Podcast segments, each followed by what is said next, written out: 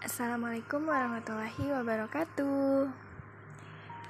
Kali ini aku pengen bahas sesuatu dengan tema yang sedikit deep dan dark juga, yaitu ditinggalkan oleh orang yang kita cintai. Di sini fokusnya bukan seperti orang-orang yang broken heart kayak ditinggal pacar atau segala macam. Tapi lebih memfokuskan ketika ditinggalkan orang yang paling berharga di hidup kita. Orang yang kita harap selalu bisa ada di samping kita sampai kapan pun itu. Dan tentunya orang yang selalu mensupport kita sebelumnya aku pengen cerita sesuatu yang aku alami yang berkaitan dengan tema kali ini. Semoga aja ini bisa jadi motivasi kalian yang mungkin mengalami hal yang sama supaya kita bisa sama-sama bangkit dan melihat dunia dengan pandangan yang berbeda.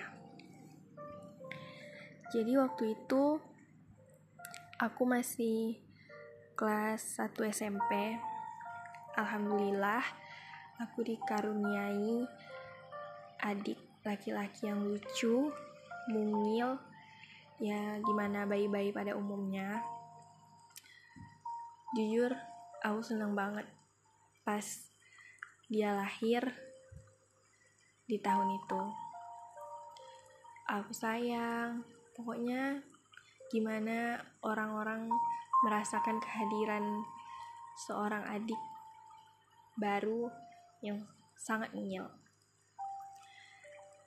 Aku mungkin juga salah karena aku terlalu senang aku sampai lupa berdoa kepada Allah dan meminta agar dia selalu menjadi penjaga dan pelindungku sampai aku bisa mandiri. Karena alhamdulillahnya dia adalah anak laki-laki yang sangat diharapkan oleh orang tuaku. Ternyata di tahun itu Allah mengambil dia lagi. Dan yang paling menyedihkan adalah di saat detik-detik terakhirnya aku nggak ada di samping dia. Karena pas itu lagi masa-masa ujian dan jarak antara tempat tinggal dan rumah sakit tempat dia dirawat itu lumayan jauh. Dan aku harus tinggal untuk menyelesaikan ujian. Hari-hari terasa sulit saat dia mulai masuk ke rumah sakit. Karena berita-berita yang aku dapat juga kurang mengenakan. Tetapi orang-orang di sekitarku alhamdulillah selalu mensupport dan menyuruhku untuk selalu berpositif thinking. Walaupun ya memang keajaiban itu pasti ada. Tetapi rasa takut itu juga selalu menghantui. Sampai akhirnya subuh-subuh mamaku menelpon dan memberikan kabar gembira.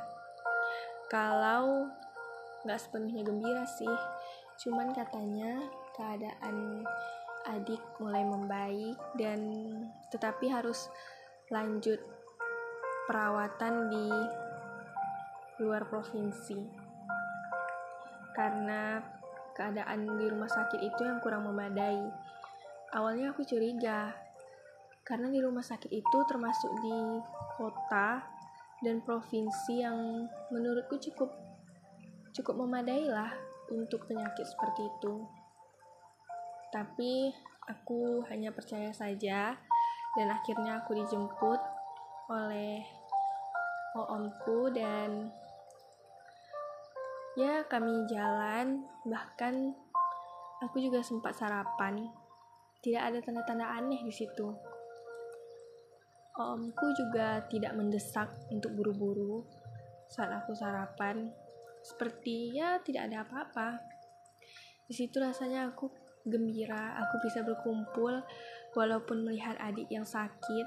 Di situ aku menghayal aku bisa berkumpul kembali bersama keluarga dan adik-adikku.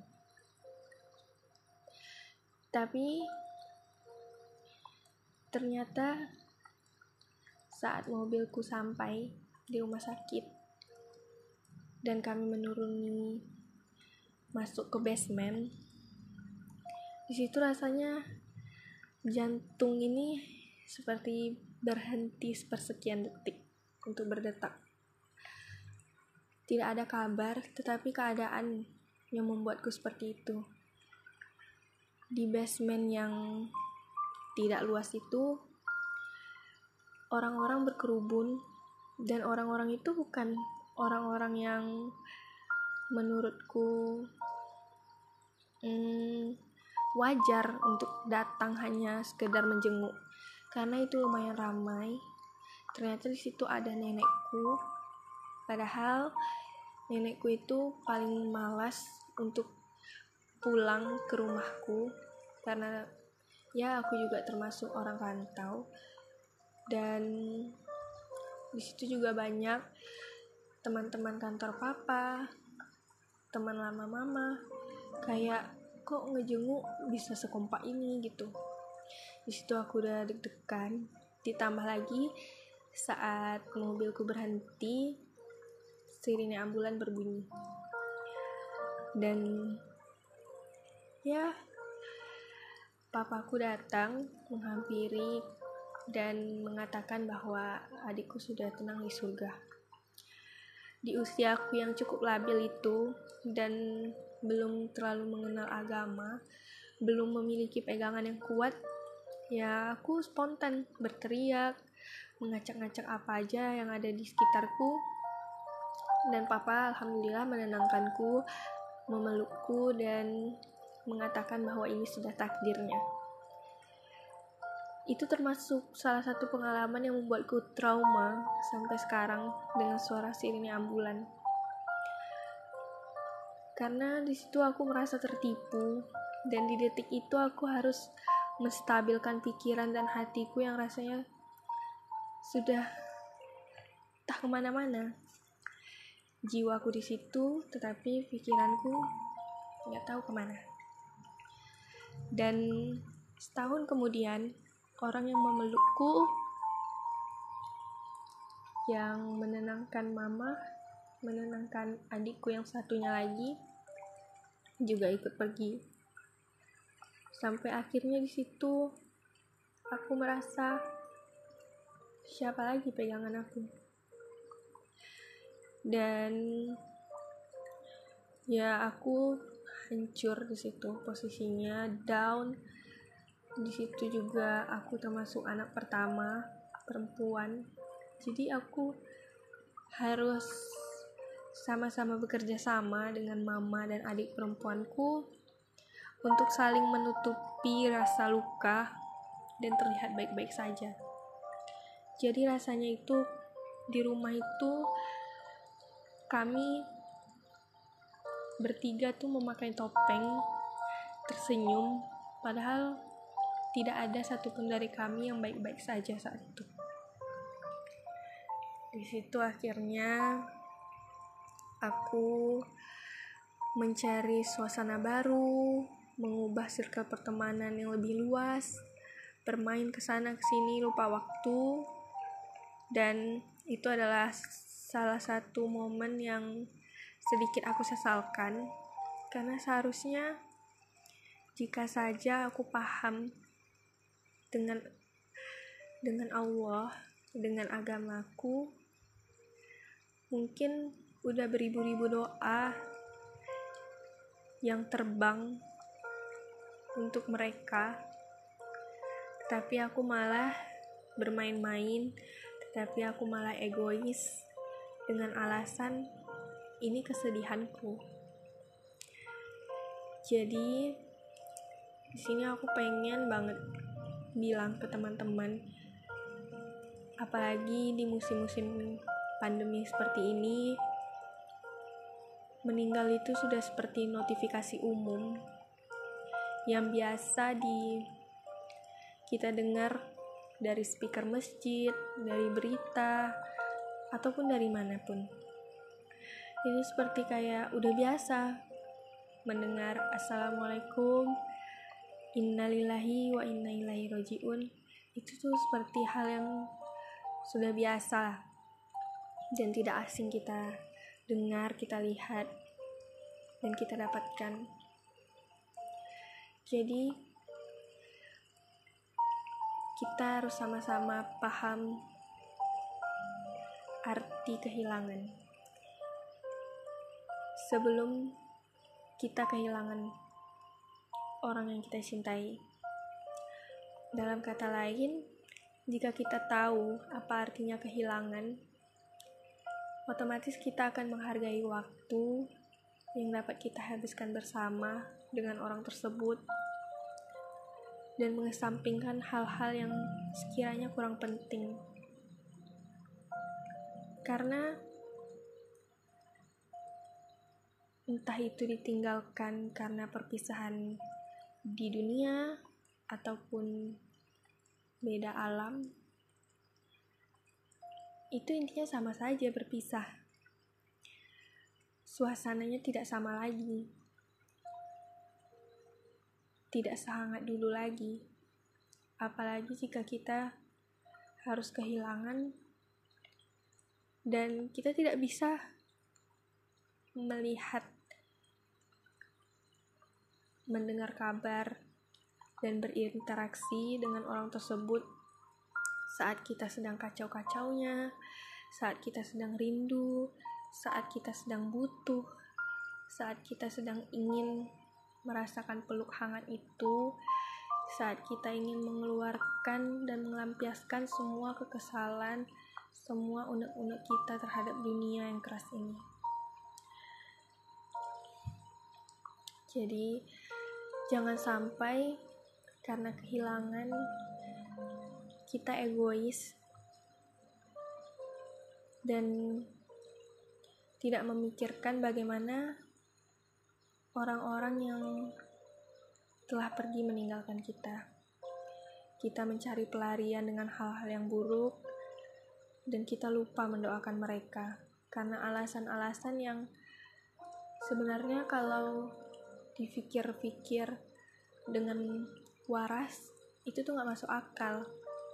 Iya, kalau misalnya kita masih ada waktu untuk menyesali, untuk bertaubat, dan memberikan doa-doa itu. Bagaimana kalau kita tidak sempat menyesalinya? Apakah kita sanggup bertemu dengan orang yang kita cintai itu? Dan mereka bertanya, di mana doa untuk kuna? Itu rasanya seperti ya kita ingin kembali tapi kita tidak bisa kembali. Jangan kita meninggalkan Allah karena perasaan kita yang kacau. Ini antara kita dan perasaan kita. Bahkan Allah pun menolong kita. Rasanya tidak pantas kalau karena alasan tersebut kita meninggalkan Allah memang kehilangan itu bukanlah sesuatu yang mudah, bahkan dapat dikatakan sulit, tetapi bukan sangat sulit sekali, bukan membuat duniamu berhenti berputar. Walaupun mungkin itu adalah orang satu-satunya yang kau punya, orang yang peluk hangatnya selalu membuat harimu berwarna, mensupportmu di saat kamu drop, ataupun hal-hal yang sangat bermakna. Tetapi ingat, waktu terus berjalan. Hari-harimu tidak bisa stuck di sana aja. Kamu harus bangkit dan move on, tetapi tidak sepenuhnya melupakan move on di sini maksudnya kamu melihat ke depan tetapi tetap mengingat bagaimana orang-orang yang kamu cinta itu akan bangga terhadap apa yang kamu kerjakan sekarang. Jadi, ke mana pun kamu pergi, mereka tetap menjadi prioritasmu. Mereka menjadi alasanmu untuk tetap bangkit, dan jangan sampai kita membuat orang-orang yang telah pergi meninggalkan kita menjadi merasa bersalah dan kecewa. Karena seperti sepeninggalan mereka kita menjadi hancur kita menjadi kalang kabut tidak tahu arah. Kita masih punya Allah insya Allah kita juga masih punya orang-orang yang bisa mensupport kita selalu ada di samping kita walaupun tidak sesempurna orang yang meninggalkan kita. Ada satu kata yang menurut aku deep banget dan jika kita sama-sama merasakan pasti itu adalah satu kalimat yang sangat membuat kita juga merasakan kesedihan yang sama. Yaitu aku sayang kamu tetapi ternyata Allah lebih sayang sama kamu.